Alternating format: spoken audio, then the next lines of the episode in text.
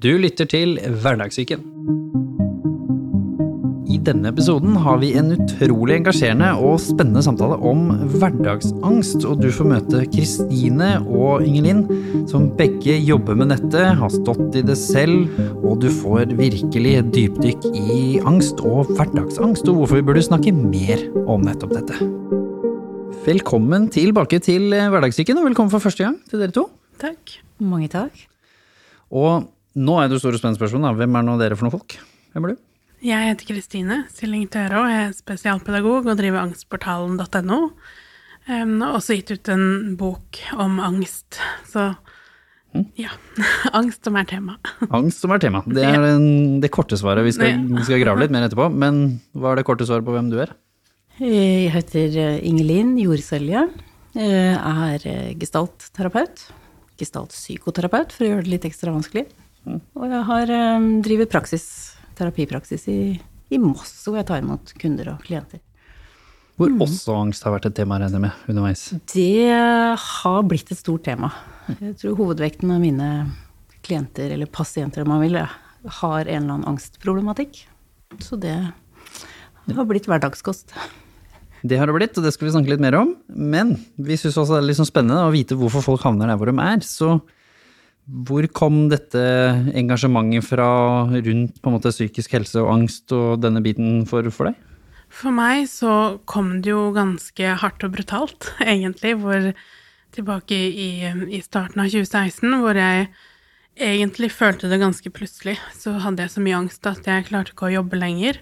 Jeg turte ikke å gå ut av huset, og hadde panikkangst og helseangst og all, all mulig angst hele tiden.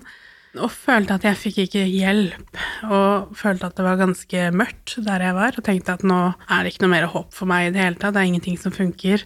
Jeg har en eller annen rar angst som ingen har hørt om, og følte meg veldig, veldig fortapt. Så fant jeg ut at jeg måtte rett og slett finne ut av det selv, og begynte å trene meg selv opp igjen.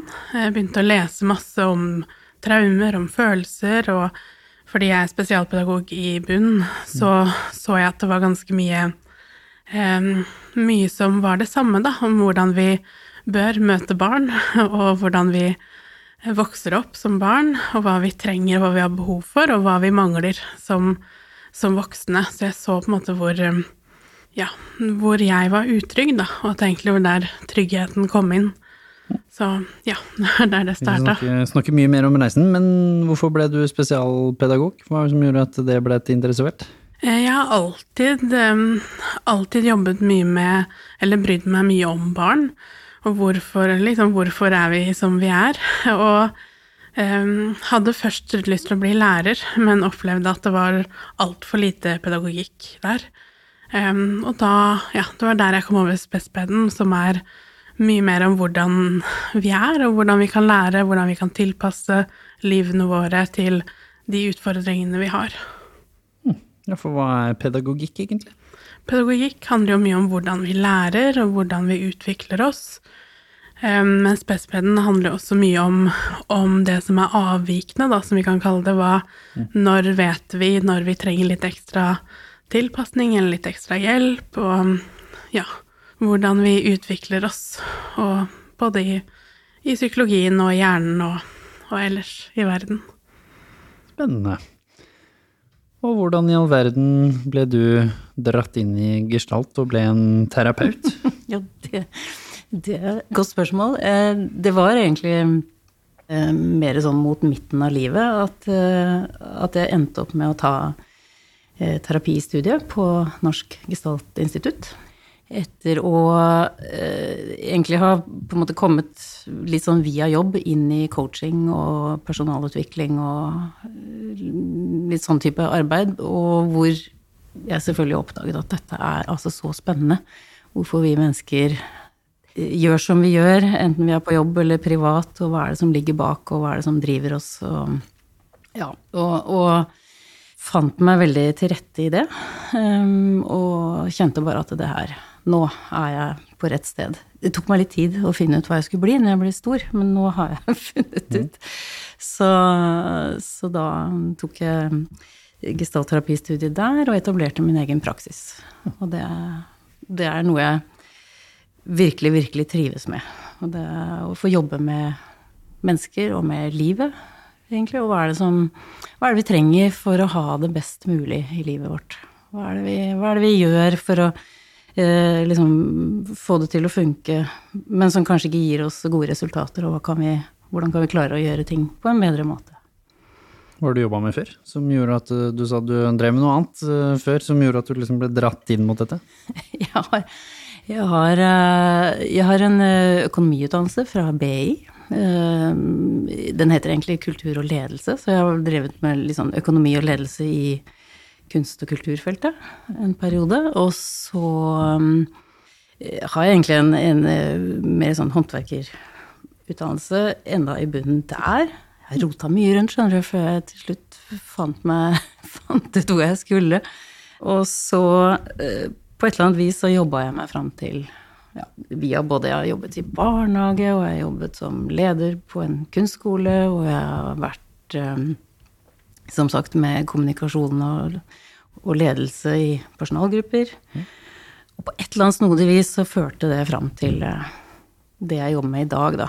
Men det er jo en rød tråd der som handler om å ha jobba med mennesker på et eller annet vis hele veien. Og at jeg så vel at det er jo det som er gøy. Fordi samme hvilken arena vi er på, om det er jobb eller privat eller hva vi driver med, så er det det menneskelige det koker ned til. Det er relasjoner det koker ned til. Og så lener jeg meg jo selvfølgelig tungt på egne livserfaringer. Eh, så i bunn og grunn, samme hva det står på liksom, skiltet vårt, så er vi mennesker.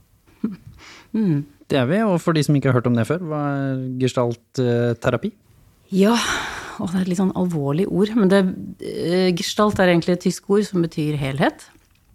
Eller form. Um, og en gestaltterapeut og gestaltpsykologien ser på en måte det helhetlige bildet.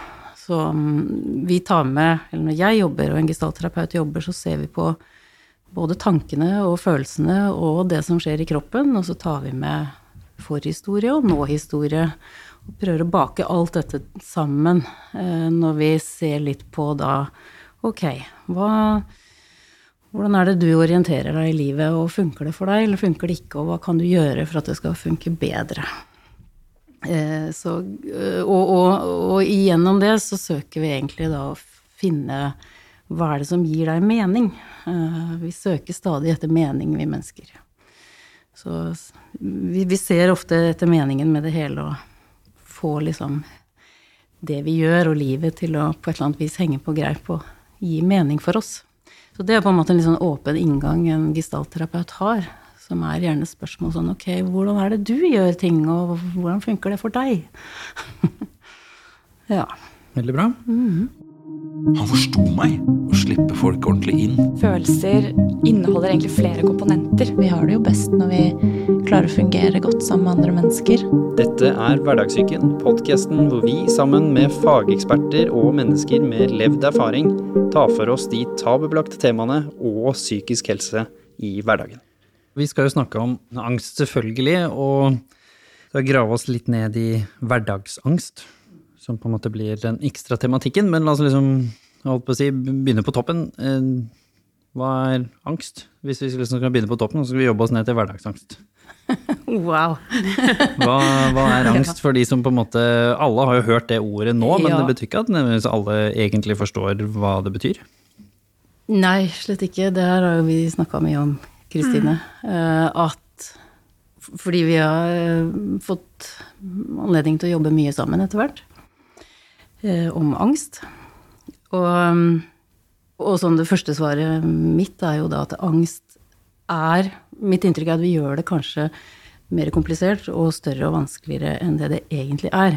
Det betyr ikke at det ikke er utrolig tøft når du får angst, men at vi har i hvert fall et ønske om å prøve oss å gjøre det litt mer forståelig og litt mindre farlig, da. Ja. Enn det det kan virke som når du støter på det første gang. Ja, ikke sant. At angst egentlig er jo egentlig bare en aktivering i nervesystemet. At hjernen din oppfatter en eller annen fare i, omgivelsene, og hjernen din tror du er i fare, i livsfare. Sender signal til kroppen, og, og får nervesystemet til å reagere for å få deg vekk derifra, eller får deg til å kjempe mot det som er trusselen. Så angst er jo egentlig helt naturlig og, og viktig i veldig mange settinger. Men så er det jo for noen av oss, så, så reagerer hjernen så kraftig på ting som ikke nødvendigvis er livsfarlig, men som på en, et eller annet tidspunkt i livet så opplevde du en eller annen trussel eller et ubehag, da.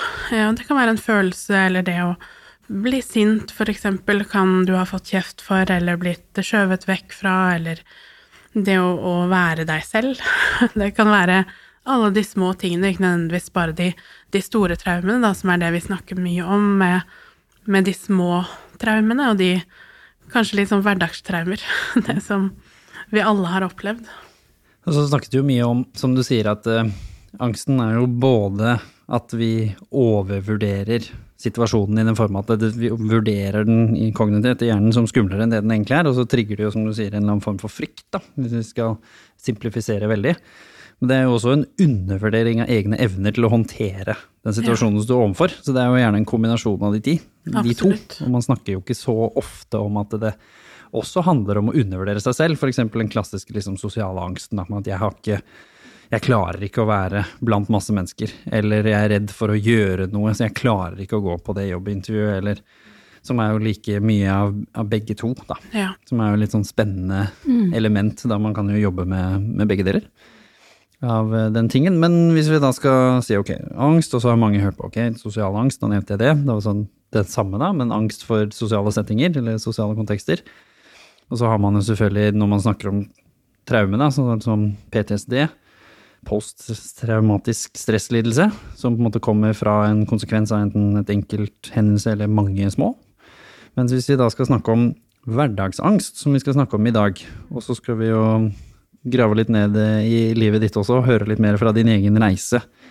Men før du forteller litt mer om din reise, hva definerer du hverdagsangst som? Jeg tenker hverdagsangst er den um, naturlige angsten som jeg tror nok vi alle kjenner på.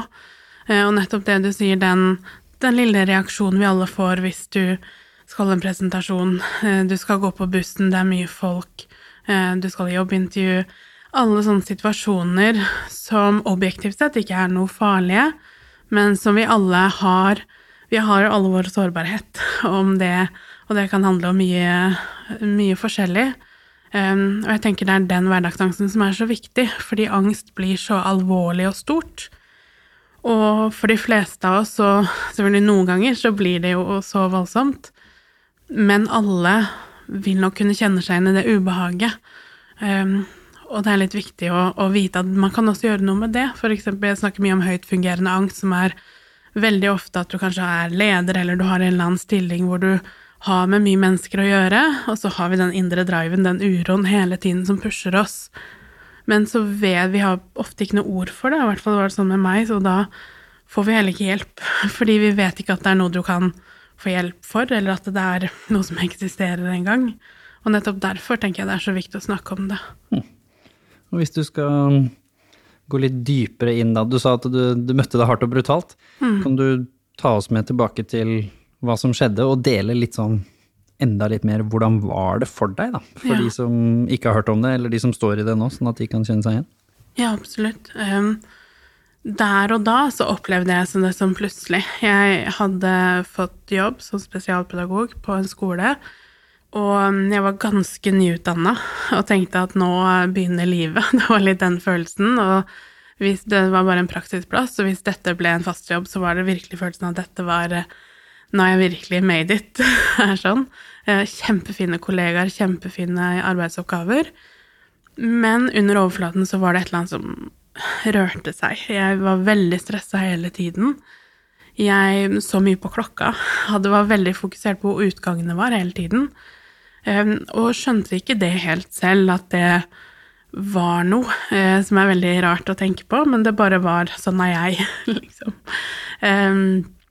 Og etter bare to uker der, så plutselig så måtte jeg bare dra derfra. Det var en helt forferdelig, overveldende følelse av noe som er helt umulig å beskrive, men bare en sånn 'nå må jeg hjem'. Um, ringte mannen min og hadde han på, på spiker hele veien hjem i bilen. Det var en halvtime å kjøre, som var tidenes lengste halvtime hjem. Hvordan føler man seg da? Kan du liksom beskrive litt hvordan er det å være i den situasjonen? For det er jo som du sier, man objektivt skjønner jo også at dette er litt fjernt, samtidig som det skjer. Så det er jo ikke sånn at man ikke skjønner det. Det gjør det jo nesten enda verre. Ja, ikke sant? Og det er jo derfor jeg tenker den, det er umulig å forstå hvis ikke du har opplevd det selv. Fordi det er helt ubeskrivelig en følelse av kjempehøy puls, eh, tanker som bare farer gjennom hodet. Eh, livredd, føler nesten ikke jeg får puste. Eh, bare kaver og styrer, og eneste tanken er å bare holde meg oppe. Eh, ha, ha, ha opp vinduene så jeg får luft. Snakke med han sånn at jeg vet at han er der.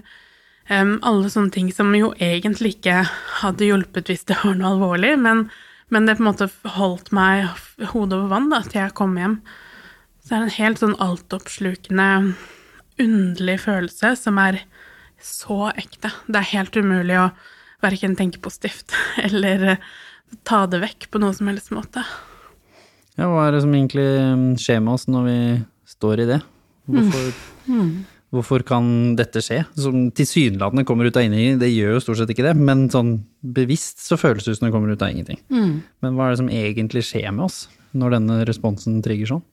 Det, det, som er litt rart, er at det som egentlig skjer, er at kroppen gjør akkurat det den skal gjøre. Ehm, du sa ordet aktivering, eh, Kristine, og det er akkurat det det er. Det er en, en voldsom aktivering i kroppen. Jeg pleier ofte å si systemet aktiveres. Det vil si hjernen og kroppen setter i gang og mobiliserer noe enormt med krefter fordi hjernen har tolket et eller annet som at nå er du i livsfare, og du må løpe så fort du kan for å komme ut av det, eller du må slåss. Din kropp valgte åpenbart å komme seg unna. Sånn høres det ut som. Det, var en, det er en klassisk eh, flight du beskriver der. Ja. Den tredje vi har, er jo en sånn frysreaksjon, hvor, som egentlig er eh, at systemet stenger. stenger helt ned og spiller død, på en måte. Det er liksom siste utvei vi har. Og så virker det som altså den Når dette skjer, så er jo fokuset at det skal gå veldig raskt. Da skal signalene Helst gå fra hjernen rett ut i kroppen, så du ja. kjører jo forbi logikken. Den stenger vi jo ned. Den stenger vi tvert av, og det skjer Det er jo en annen del av hjernen som tar over her, fordi når vi går rundt og ikke er aktiverte, eh, så er det fronthjernen, eh, frontallappene, som, eh, som styrer butikken. De tenker og vurderer og registrerer og tar beslutninger osv. Men når alarmen går inne i kroppen, så kuttes den ut. Og da er det ikke logikken som styrer lenger, da er det instinktene våre. Og da er det en annen del av hjernen som har tatt over, som er, som er den gamle delen av hjernen, kan vi si. Som er mange millioner år gammel, og er spesialutvikla på å håndtere voldsomme farer.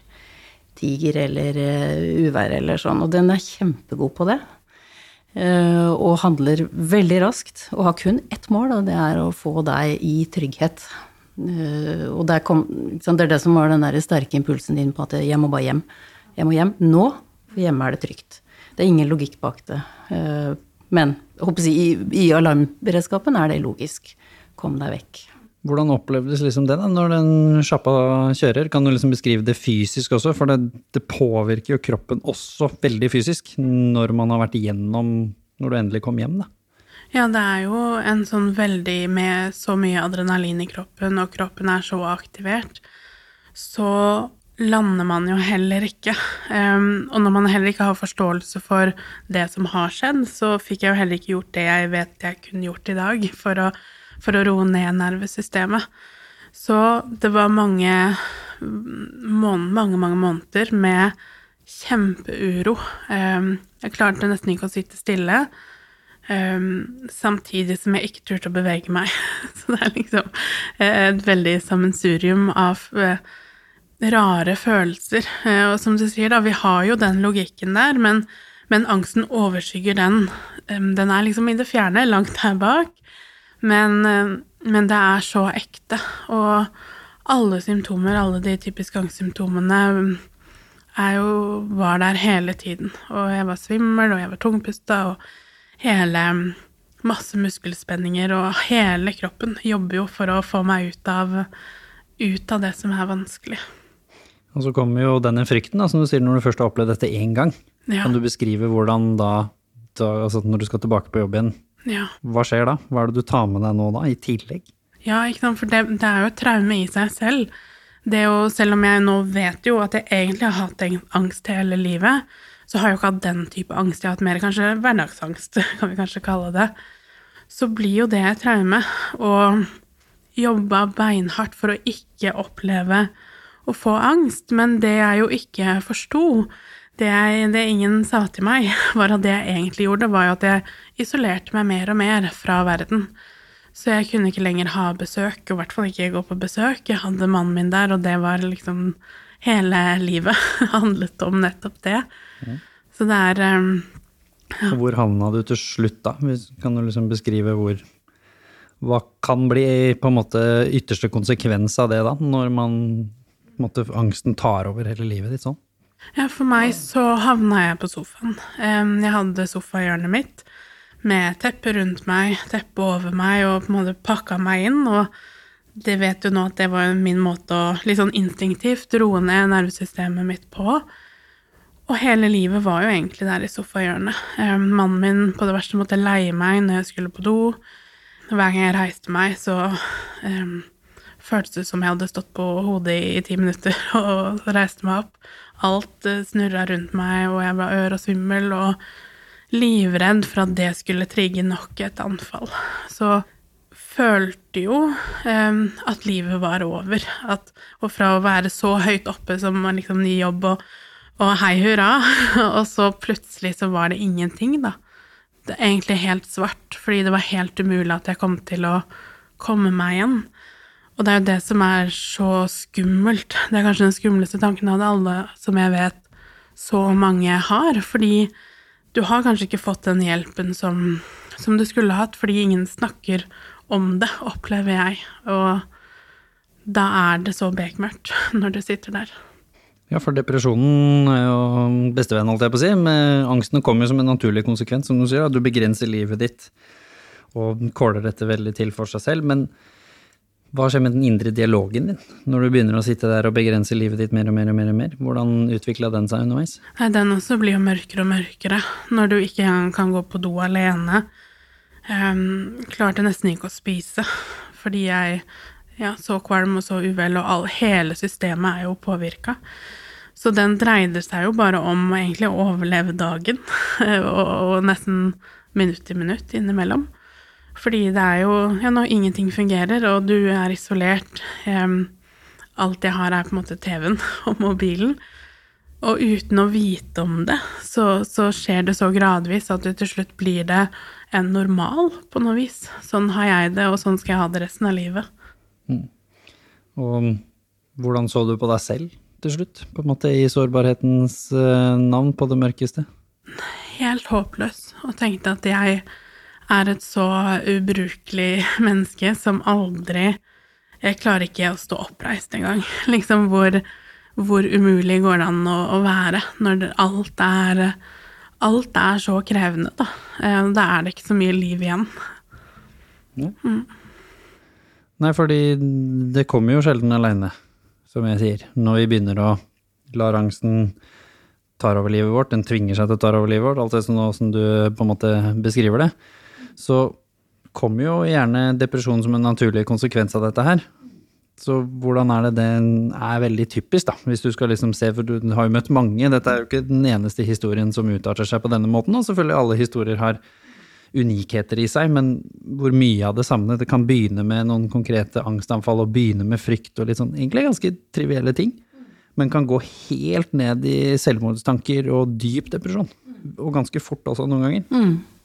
Ja, det er egentlig de samme tingene som skjer i, i bånd. Det følger det samme mønsteret, men som du sier, det kan komme helt forskjellig til uttrykk i forskjellige typer mennesker. Det fins vel ikke to helt like angsthistorier. Eh, Men det, det, det følger litt den samme veien dersom man ikke får hjelp og forståelse.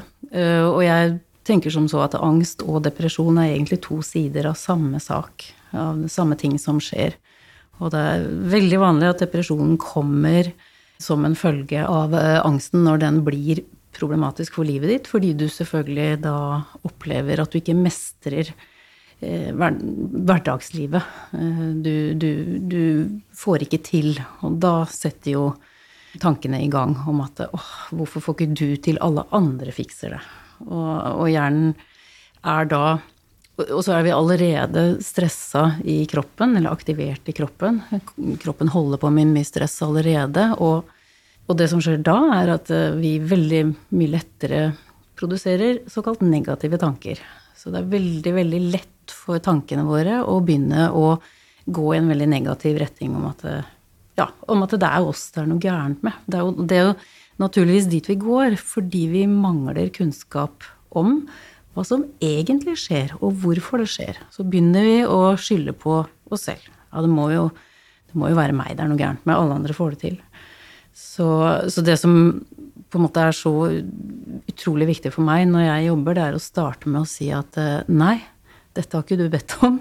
Dette handler ikke om at du eh, ikke mestrer eller er dårligere enn alle andre. Det handler om at eh, du har fått en litt for tung bagasje, og nå begynner kroppen din å si fra. Vi må finne ut hva er det du har opplevd som gjør at F.eks. du da, Kristine. Hvorfor i all verden ble du så stressa av å være på jobb? Hva var det som fikk din kropp til å ville vekk derfra?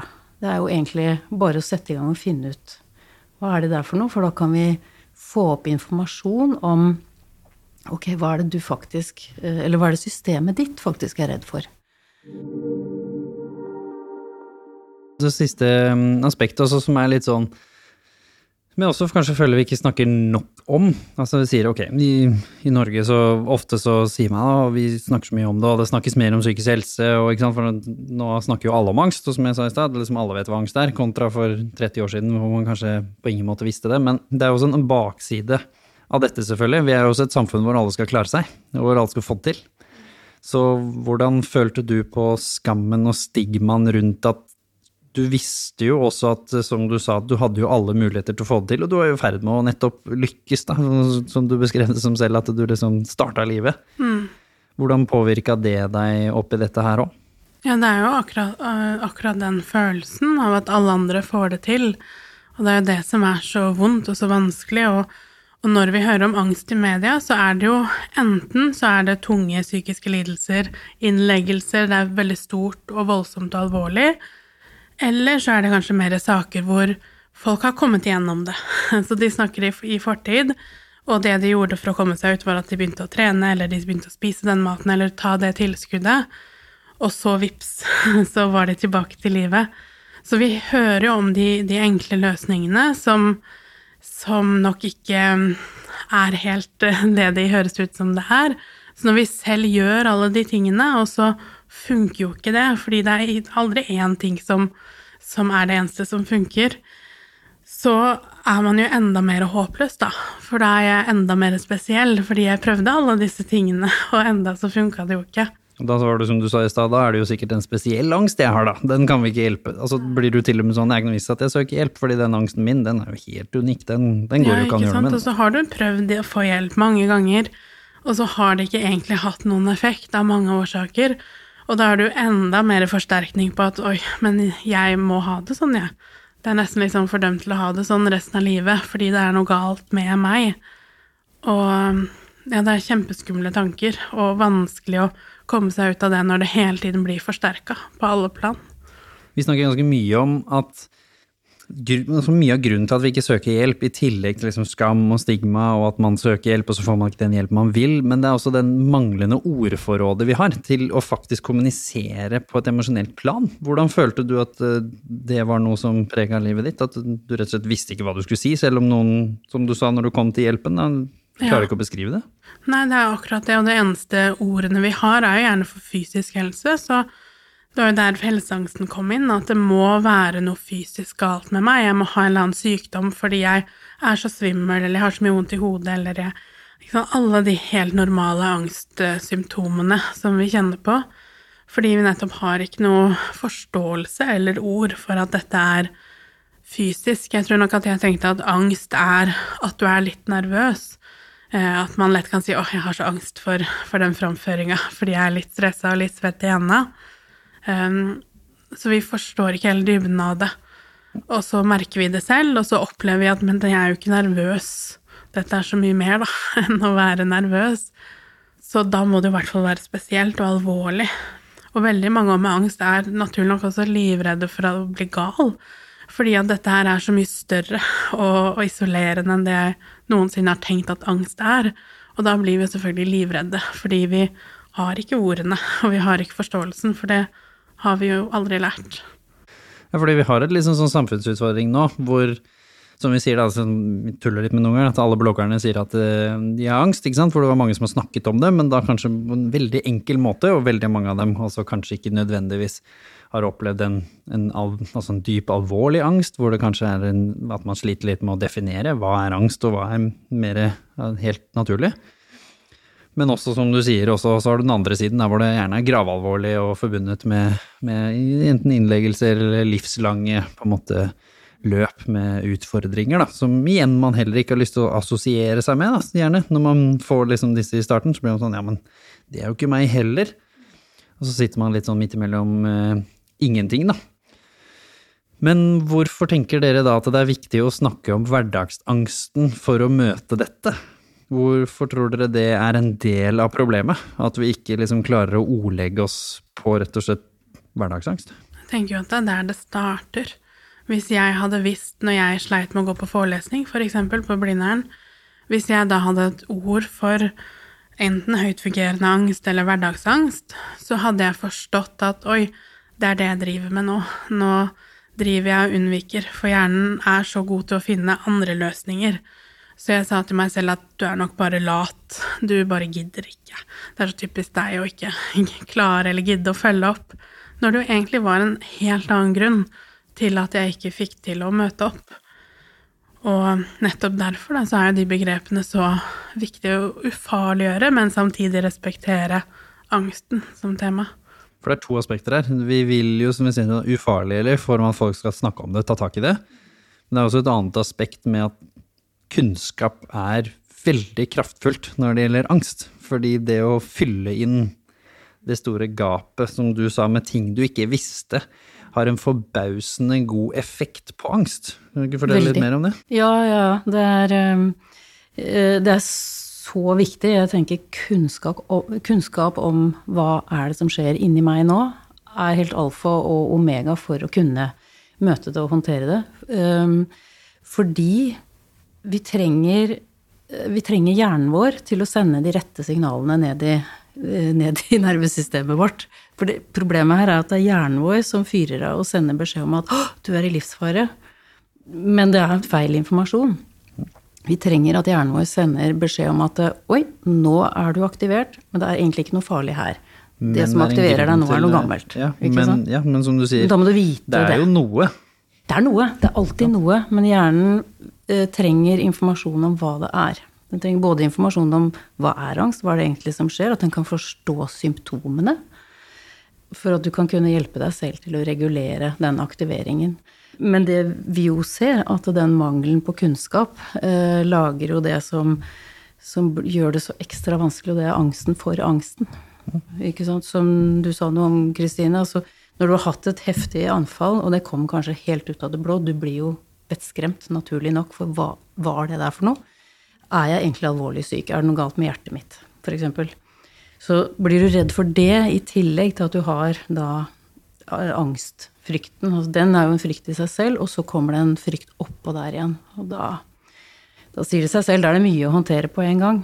Men hvis vi, hvis vi kan få god kunnskap om hva angst er, så vi kan på en måte si at det er bare angst. Men det er jo ikke bare bare det. Men det, er det det er, og det er egentlig ikke noe farlig. Det, du, kroppen din tåler det helt fint.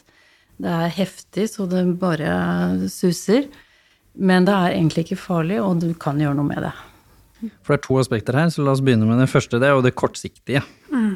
Så hva var det du lærte og gjorde som rett og slett gjorde at du klarte å håndtere å få ned liksom symptomene fra angsten. Så kan vi snakke mer om den langsiktige, for det var jo noe underliggende her. så det kan vi ta etter det. Men hva gjorde du først for å liksom få kontroll på den situasjonen og få deg sjøl ut av sofahjørnet? Ja, ikke sant? for det er viktig at det er to Det er både hva gjør jeg her og nå, og hva gjør jeg for å behandle angsten. Og her og nå, så det jeg kom over, og det jeg bruker aktivt, er jo trygghet. Jeg mangler trygghet både i egen kropp, at jeg fungerer, at jeg ikke kommer til å dø, men også den indre følelsen av trygghet, og det er jo det nervesystemet vårt trenger for å, for å kunne slappe av og etter hvert stole på at det er faktisk trygt.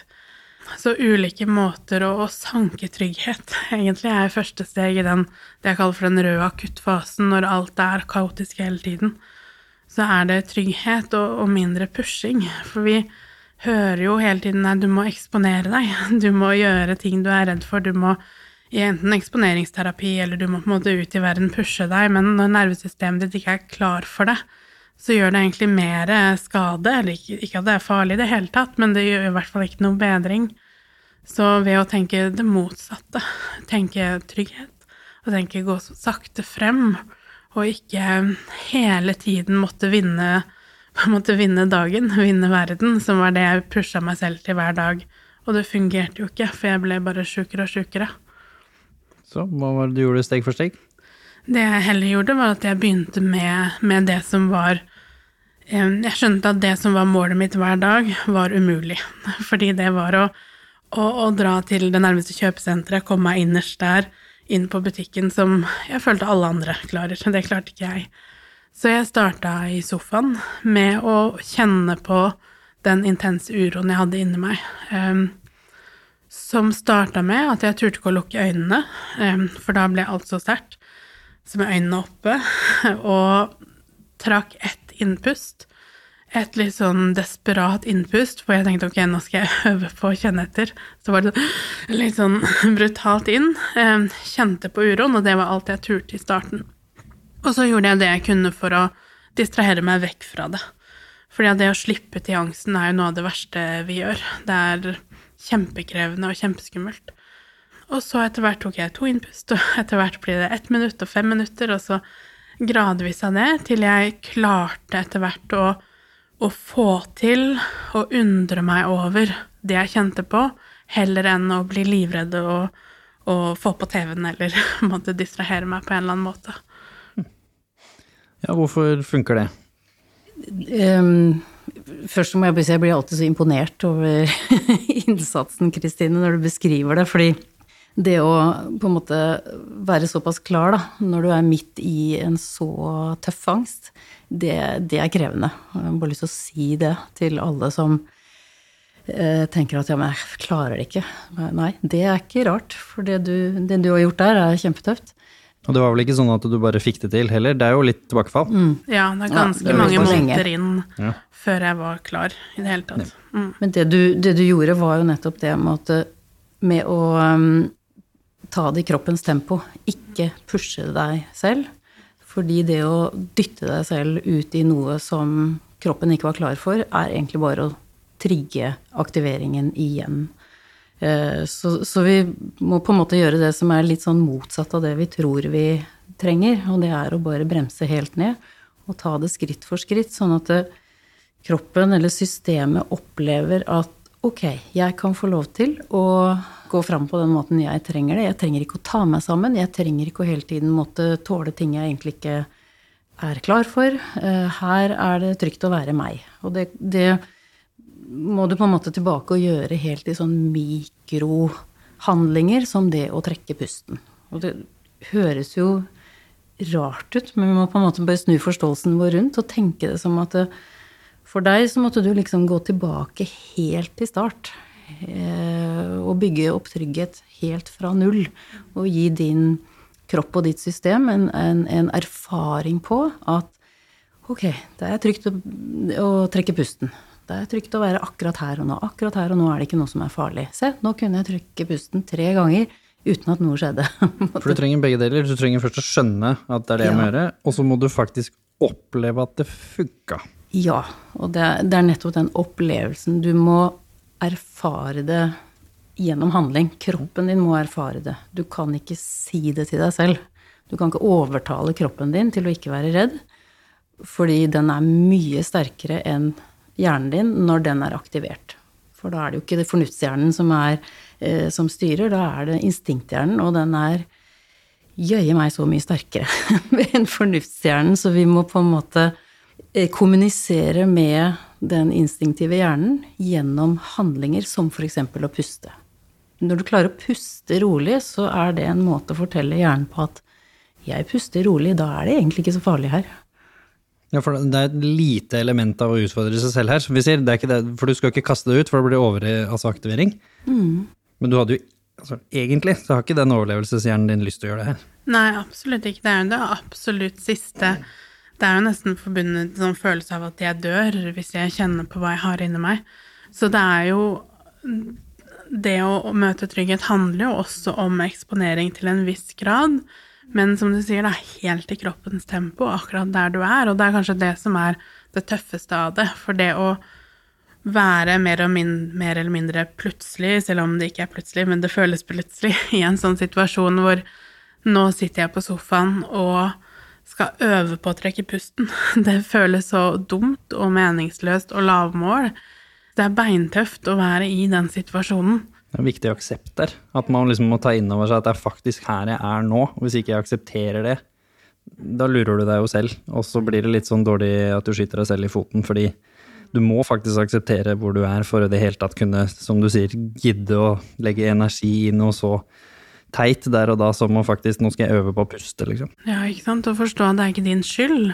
At det er helt logiske ting, selv om du ikke vet det akkurat der og da så er det helt logiske ting som har skjedd, som gjør at dette er vanskelig for meg, og tusenvis, eller millionervis, av veldig mange andre. Og ser jo det, de som kommer til meg, og det er jo vanvittig mange som har et forhold til angst, men som aldri har sagt det til noen. Og det er så viktig, viktig at det er så vanlig, da. At det er her vi starter, at det er ikke din skyld. Ja, fordi som du sier, det er mange som går og bærer på dette, men som ikke sier det til noen. Hva, mm. Hva vil det hjelpe å si det til noen på et tidlig stadie, hvor det fortsatt ikke er farlig, da? Hvor vi klarer den der fine øvelsen med at dette er ikke farlig, men jeg har lyst til å øve på det likevel. For jeg har lyst til å håndtere det som ikke er farlig, men som er ubehagelig bedre. Mm. Uh, ja, hvis du kan fortelle det til noen som kan uh, på en måte Som forstår det, da. Helst, og som kan si ok, er det, er det der du er? Er det sånn du har det? Og jeg må jo si, si Da skulle jeg ønske de møtte en som sa, som du sa akkurat nå, Jimmy, at det, det er noe med å bare klare å ta inn over seg at nå er det der jeg er. Det er faktisk sånn her det er. Eh, som du gjorde òg, eh, Kristine. Og, og, og, det er veldig godt å få det fra noen andre når vi sliter med litt sånn skam og litt manglende mestring, og vi sammenligner oss med alle som får det til, så er det så vanskelig å akseptere, eller i det minste bare tillate seg å liksom Ok, nå, nå, er det der jeg er, ja. Ja vel, er det her jeg er. Um, så det For vi vil jo helst være så mye mer og bedre, men å, å kunne fortelle det og få hjelp til å skjønne at ja, ok, men da er det sånn det er. Da, må, da starter vi her. Uh, og kan få litt bekreftelse og støtte på at det, det er ikke din skyld, det er ikke noe gærent med det. Dette kan du Dette skal vi finne ut av. Nå har vi nevnt det litt flere ganger, men Hva er liksom de typiske eksemplene på hverdagsangst som vi, dere mener vi burde ta inn i livet som å kalle det det, for at vi skal kunne øve på de situasjonene? Hva er liksom de vanligste store boksene, hvis vi skal kalle det det? Jeg tenker Det er jo kanskje alle situasjoner hvor du kjenner selv at du bruker mer energi enn det du tenker kanskje er eh, logisk, da, vi skal bruke det ordet, logisk at du hadde brukt energi på hvor du bruker mye tid på å tenke gjennom situasjoner. Du har kanskje symptomer i kroppen på aktivering, at du, har, du er mye stressa, du har mye høy puls. Den opplevelsen av å ikke være helt trygg i deg selv. At det er mange sånne situasjoner, eller kanskje det er helt konkrete situasjoner. At det er hver gang du skal i møte på jobb, eller du skal hente i barnehage, så kjenner du det ubehaget. Så tenker jeg det er nok til å kunne få hjelp, og egentlig alle skulle jo egentlig hatt noen å snakke med, uansett hvor mye du selv identifiserer deg med at jeg har angst. For det er jo ikke nødvendigvis sikkert at du har den opplevelsen, men det å, å føle seg litt stressa, tenker jeg holder, da. Det er veldig fint. Vi har et intervju i The Human Aspect som jeg virkelig anbefaler folk til å høre på. Da. I denne konteksten er Mats Johansen, som er jo CEO og sjefen for hele Aker Biomarin, som er jo en svært eh, anerkjent eh, mann som har liksom sånn sett fått til veldig mye, og han jobba i salg og var en helt, og det å snakke med folk og presentere var helt naturlig for han. Han holdt på i årevis i dette her, og så fikk han det som han opplevde da, som veldig sånn plutselig prestasjonsangst, hvor det bare låste seg helt når han var liksom toppleder, og han klarte ikke å presentere for sine folk. og altså, Han fikk det liksom til til slutt, men som du sier, det kosta han så enormt at han liksom Selv om han fikk det til, så ble det liksom en enorm påkjenning for han. Og det at han anerkjente det for seg selv, selv hvor ulogisk det var, for han hadde jo gjort det hundrevis av ganger før, og ikke hatt problemer med det, det gjorde jo at han faktisk klarte å håndtere det og komme forbi det også, og i dag kan tulle litt med det, men som han fortsatt er bevisst på dette i dag. Men nå har han jo øvd på da, ikke sant, hvordan håndterer man det. Jeg husker jeg hadde mye av det samme fra idretten. Der er det jo mye sånn Man er jo stressa, det er mye press, ikke sant. Jeg skulle spille på eldre lag og litt sånne ting. og så var det liksom typisk at da er man jo gjerne på benken, så når du kommer inn så føles det ut som at hvis ikke jeg liksom får det til nå, på de fem-ti minuttene, så, så får jeg jo ikke spille neste gang, ikke sant. Så føles det sånn utrolig viktig. Da var det en veldig klok trener som sa til meg, som ga meg den kunnskapen, som sa at når du står på sida nå og varmer opp og vet du skal inn, det at du får høyere puls, det at du svetter litt, det er egentlig bra, sa han, for det er jo et tegn på at kroppen din er klar. Burde egentlig vært dritbekymra hvis du ikke hadde høy puls eller ikke kjente noe svette, for det er noe gærent. Da har jo ikke kroppen din skjønt at dette er viktig, for det, var jo viktig. For mitt mål var jo å, å spille. Og det var et eller annet med det som på en måte bare klikka litt for meg på en positiv måte, da, som gjorde at jeg tok det med meg inn i presentasjoner, inn i ting jeg gjør nå, ting som, alt som har hatt med prestasjon å gjøre de på en måte 20 årene etter det. Og da minner jeg meg selv på når jeg får den følelsen, og sier litt sånn Oi, det er spennende. Nå er jeg klar. Og så trives jeg litt, men det er der jeg er helt nå. Men det har krevd mange år med trening. Så når jeg fikk den, så jobba jeg med sånn som du sa, jeg kjente på pulsen, at den var i ferd med å få overslag. Og så pusta jeg litt, og så kjente jeg litt på den, og så tenkte jeg men dette er bra. Ikke sant? Nå, det er jo positivt. Og så hadde jeg fortsatt høy puls, men da liksom stabiliserte den seg litt og bikka ikke over til hvor jeg ble overstressa og det går utover prestasjonene igjen, da. Og ved å øve enormt på det i sånne egentlig liksom små, ubetydelige situasjoner, for det var det jeg endte opp med å gjøre, til slutt så ble jeg jo veldig god på å håndtere stressa situasjoner. Fordi jeg hadde øvd mye. Og det var ikke i utgangspunktet fordi jeg følte at jeg var syk, eller at det, det kunne sikkert ha leda dit hvis jeg ikke hadde fått den kunnskapen veldig tidlig. Jeg var jo heldig. Men det er derfor også sånn det er fint å si at dette er ikke noe du trenger å være syk for å øve på. Dette er hvis du føler, og sånn er det for de fleste av oss, så føler vi at det er overveldende i visse situasjoner. Da kan du anerkjenne at det er overveldende. La meg øve på dette her. Ja. ja, det er så fin historie eh, om at når du får Og du fikk, jo hjelp, du fikk jo hjelp av treneren din. Det var utrolig fint. Han eh, forteller deg at det her er ikke noe farlig i det hele tatt. Snarere tvert imot. Dette er din kropp som gjør akkurat det den skal gjøre, fordi du skal inn og gjøre noe ekstra. Da mobiliserer vi. Da er det adrenalin og hele pakka ut i musklene, og pulsen går, og det er akkurat det kroppen skal gjøre. Masse snacks. Masse snacks. Ja. Så tenker jeg hva hvis vi hadde lært det allerede fra barnehagen, at det var helt like naturlig som å spise og drikke. var at nå er jeg nervøs. Hatt den kunnskapen, så hadde jo ikke angst vært det vi nå forbinder med angst. Hadde, som du sier, da, det er bare oi, nå er jeg på. Nå skal jeg gjøre noe som er ubehagelig, eller noe som ikke jeg kanskje vanligvis gjør. Um, at det er helt normalt, så hadde vi ikke blitt redd. Og da hadde vi ikke fått angst for angsten. Så mye ligger jo i den kunnskapen og den naturliggjøringen som veldig mange barnehager er gode på i dag, men, men det er fortsatt mange som også henger etter på akkurat det. For det starter jo der. Og det å øve, da, som hun sier. Liksom øve, øve, og snakke om det i dialogen, og ikke være redd for å si at liksom, dette her er i ferd med å bli litt overveldende. Nå kjenner jeg at den prøven betyr litt ekstra mye for meg, liksom. Der går ikke, eller den festen, jeg vet ikke om jeg klarer å gå på den, jeg, fordi hva om de tenker det, og der er jo den personen jeg liker så godt, eller, eller en andre veien. Der er den personen som har mobba meg nå i ti år, liksom. Jeg orker ikke en kveld til hvor den kommer med en sleivkommentar. Altså liksom så begrenser man jo livet sitt hvis man lar alle disse små hverdagsangstøyeblikkene ikke bli anerkjent. Ikke sant? Som er jo det som er problemet. Ja, ikke sant? Ja, da begynner man å, å, å unngå, eh, og kanskje egentlig uten å legge merke til det selv, eller tenke over det selv. Og så dermed har du egentlig bare forsterka denne opplevelsen av at eh, jeg, eh, dette må jeg bare komme meg vekk fra, for dette takler ikke jeg.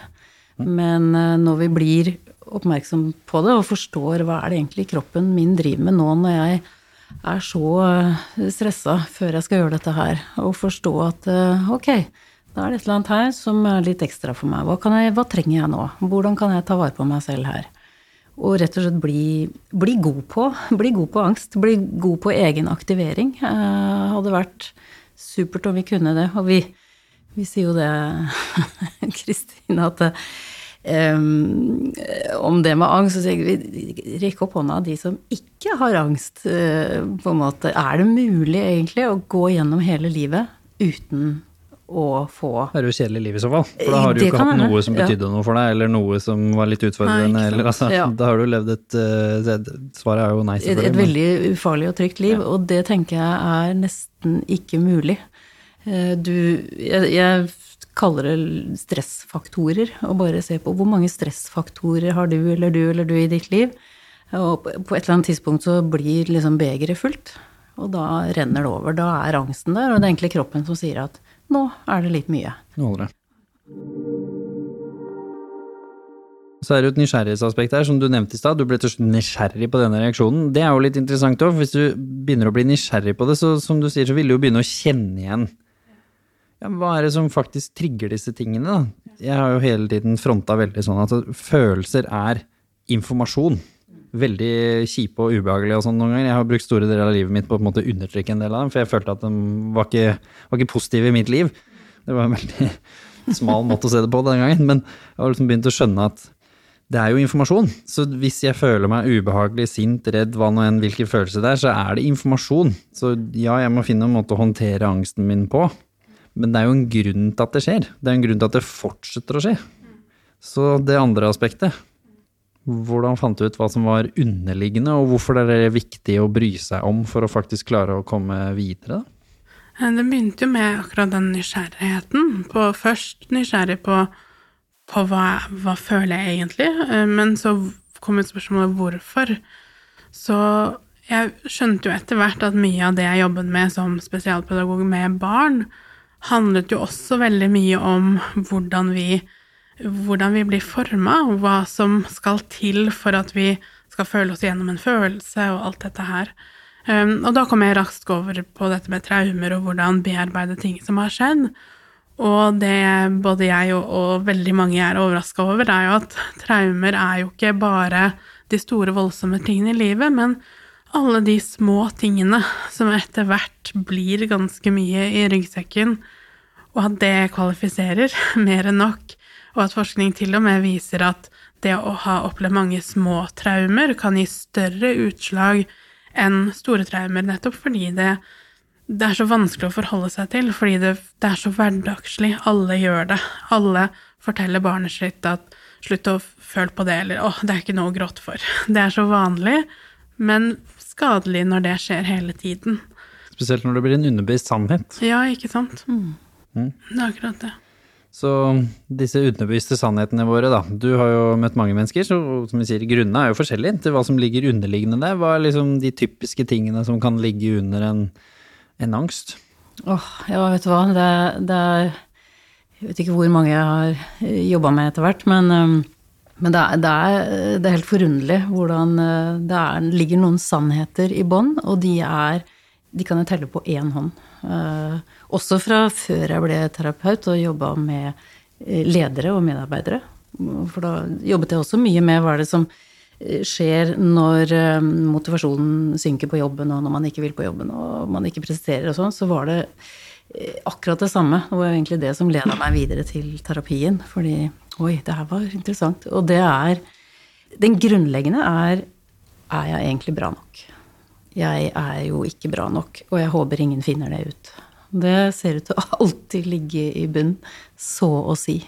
Um, ja, og da får jeg litt sånn Det kan ha sånn kommet av mange forskjellige ting. Ikke som vi nevnte i stad, at du ikke følte deg emosjonelt møtt og sett. Det Kan være mobbing, kan være identitetsproblematikk, kan være typisk at du er i en søskenflokk hvor en eller flere av søsknene dine kanskje har prestert på samfunnsmessige normer, da, bedre enn deg, i Godstein, Som, hvor egentlig ingen noen gang har sagt du er dårlig eller du er ubrukelig, som vi sa, men rett og slett du bare har selv følt på at ja, men så søsknene mine får jo til ting hele tida, jeg får ikke til noen ting. Og så manifesterer det seg som en sannhet at jeg bare er dårlig. Ja.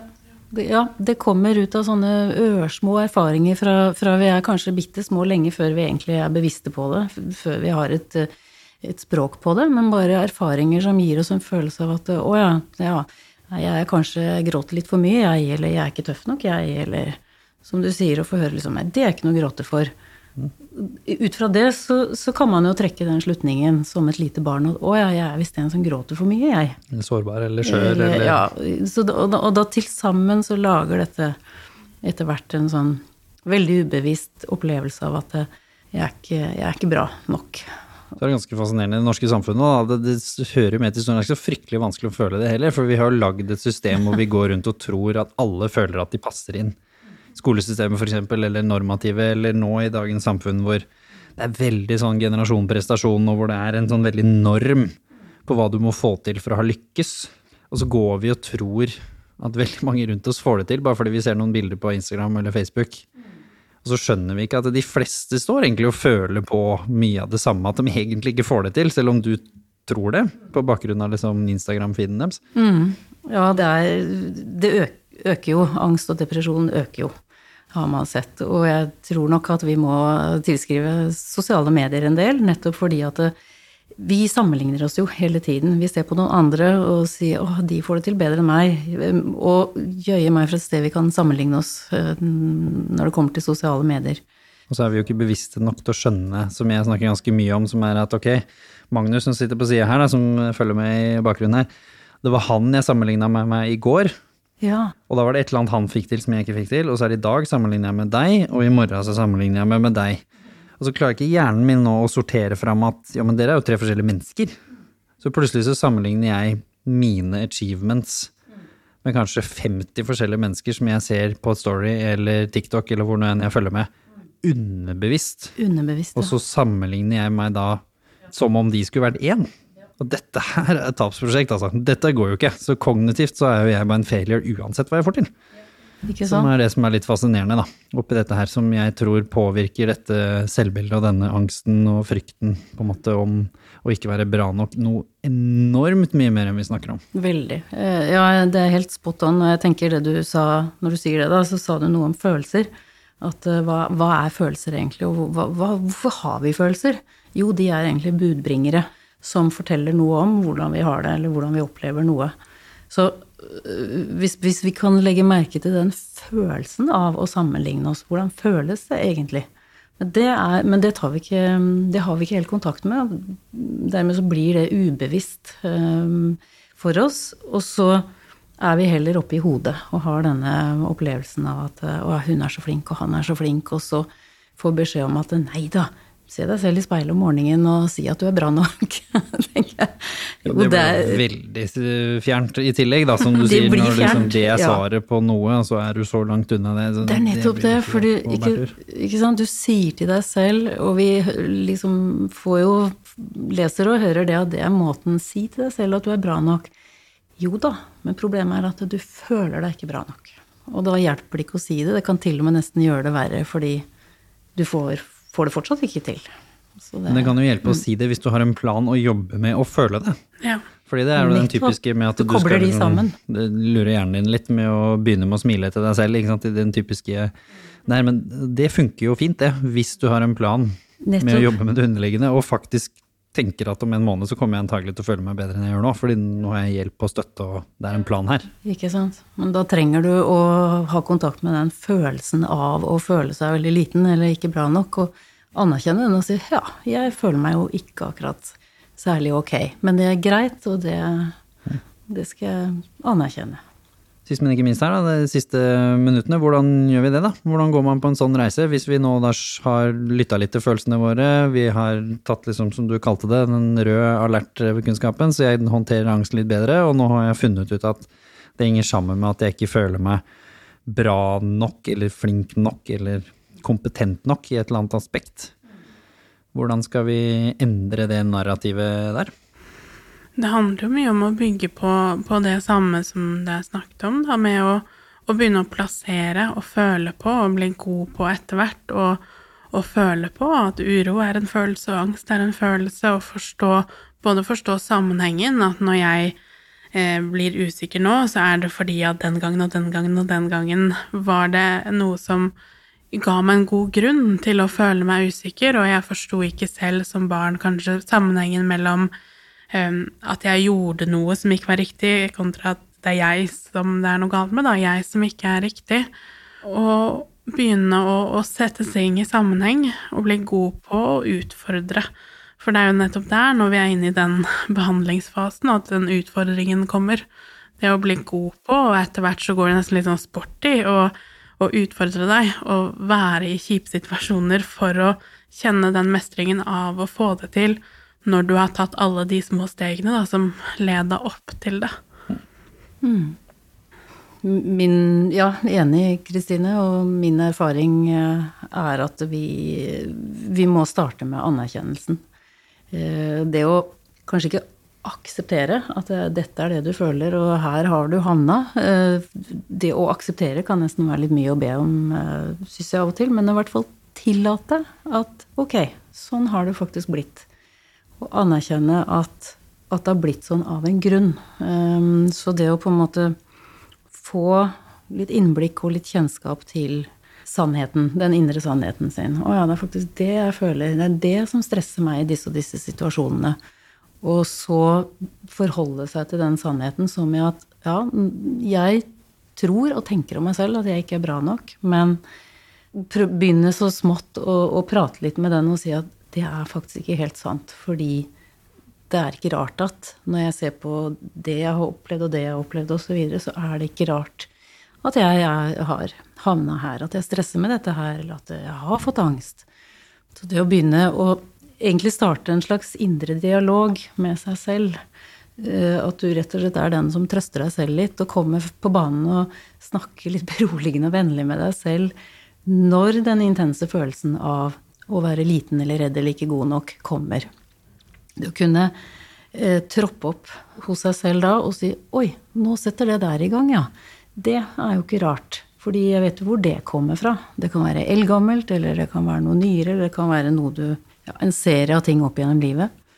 Men det å bare kunne få støtte og anerkjennelse av seg selv på at sånn er det faktisk, og det er ikke min skyld, og dette har jo ikke jeg bedt om, men det har blitt sånn. Det er det første skrittet. Fordi da kommer du da, da, opplever kroppen din, eller du, systemet ditt, opplever å få støtte og anerkjennelse. Og det er kanskje det du primært har mangla fra start. Og det snodige er at uh, kroppen blir kjempeglad. Den. Hvis den får det nå, da er det ikke så nøye om ikke du fikk det da. Du kan faktisk begynne å gi deg selv det nå. Det gir deg litt sånn slack på at å ja, det er kanskje greit å være meg.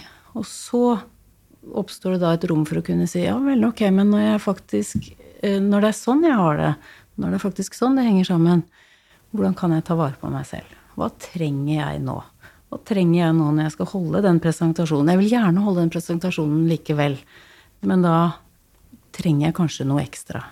Eller alle de tingene man skal gjøre. Hva trenger jeg når jeg skal ned på den butikken, eller gudene vet hva du kjenner er utfordrende, da. Vær, vær snill mot deg selv, rett og slett. Kan vi si ja, det så enkelt, Kristine? Og også at det er normalt, hvis man ikke alltid vet hvorfor det kommer heller i starten, at det er lett, og, og, veldig mange sier jo da men, men, jeg har jo ikke noe, jeg hadde en, en så fin barndom. Uh, men at det ikke nødvendigvis er det at vi ser kanskje etter litt feil ting, da. Uh, at det er ikke alltid så synlig at det er greit, men vi kan allikevel gå ut ifra at det er der. Og det er ikke alltid vi trenger å vite alt, men, men det er der, og det, det holder, da, i starten. Ja, det er veldig sånn, du må ikke vite nøyaktig hvorfor har jeg angst, egentlig. Du kan fortsatt bare si ja, det har jeg, og det har jeg av en eller annen grunn. Jeg vet ikke nøyaktig hvorfor, men det kommer fra et sted. For det har jeg lyst til å kaste inn her. Vi kaller det jo for irrasjonell frykt. At angst er en irrasjonell frykt. Og der har jeg lyst til å protestere litt og si nei, den er ikke irrasjonell i det hele tatt. For i, i den logikken som hjernen og kroppen vår har sammen, så er det helt rasjonelt. Den er irrasjonell ut ifra den objektive situasjonen, men den er rasjonell ut ifra ditt hele liv. Nettopp. Så da kan vi bare trygt si til oss selv at uh, dette kommer fra et sted, det er ikke noe å lure på.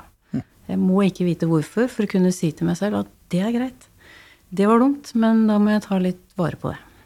Litt sånn sist også, så er det jo viktig å ta seg tid i dagens samfunn. Så tid er jo ikke noe vi har mye av, ikke sant. Så vi fyller jo det med alt mulig rart. Som går jo egentlig tilbake på denne underliggende ønsket om å bli godt likt, bli sett, hørt og være bra nok. Som på en måte man derfor stapper livet fullt med alt mulig saker. Mens hvis man da ikke har muligheten til å sitte og reflektere litt og dele litt og snakke om disse tingene, så er det jo ikke naturlig å snakke om det heller. Hvis du liksom har en halvtime til å snakke med partneren din, da, eller du har den typiske halvannen timen på middag med bestevenninna di fordi vi har ikke tid til noe annet, det er det vi har scheduled inn. Det er ikke naturlig i den korte tidsspennet der å åpne deg opp om det. Fordi samtalen begynner jo gjerne med 'hvordan har det gått siden sist', og vi ser jo hverandre så sjelden, så da har du jo gjerne litt å melde, da. Og når du endelig har gått tom for det, liksom da lugger det litt med liksom, da, da, er du litt sånn Å ja, nå er det en halvtime til vi skal gå, ja, ikke sant. Hun barnevakten går, eller Og da finner du en unnskyldning på Jeg gidder ikke å begynne å snakke om hverdagsangsten min nå, og hvordan det henger sammen med barndommen min. Så vi må også kanskje ha litt Sette av litt mer tid til å være rundt mennesker vi vet vi er trygge på, uten at det er en plan om at vi skal snakke om det i det tidsrommet, men da er det i hvert fall en mulighet for at vi kan åpne oss. Sånn som nå nærmer vi oss liksom det kommer alt fra påsker til sommerferier til eh, lommer, da, hvor det i teorien er mulig å sette av halve dager og til og med hele dager for noen, og flere dager for andre. Hvor man kan være rundt mennesker hvor det kanskje en eller annen gang i løpet av den tiden kan føles trygt å åpne seg om det her. Og det vil jeg virkelig anbefale at folk eh, gjør for seg selv, altså.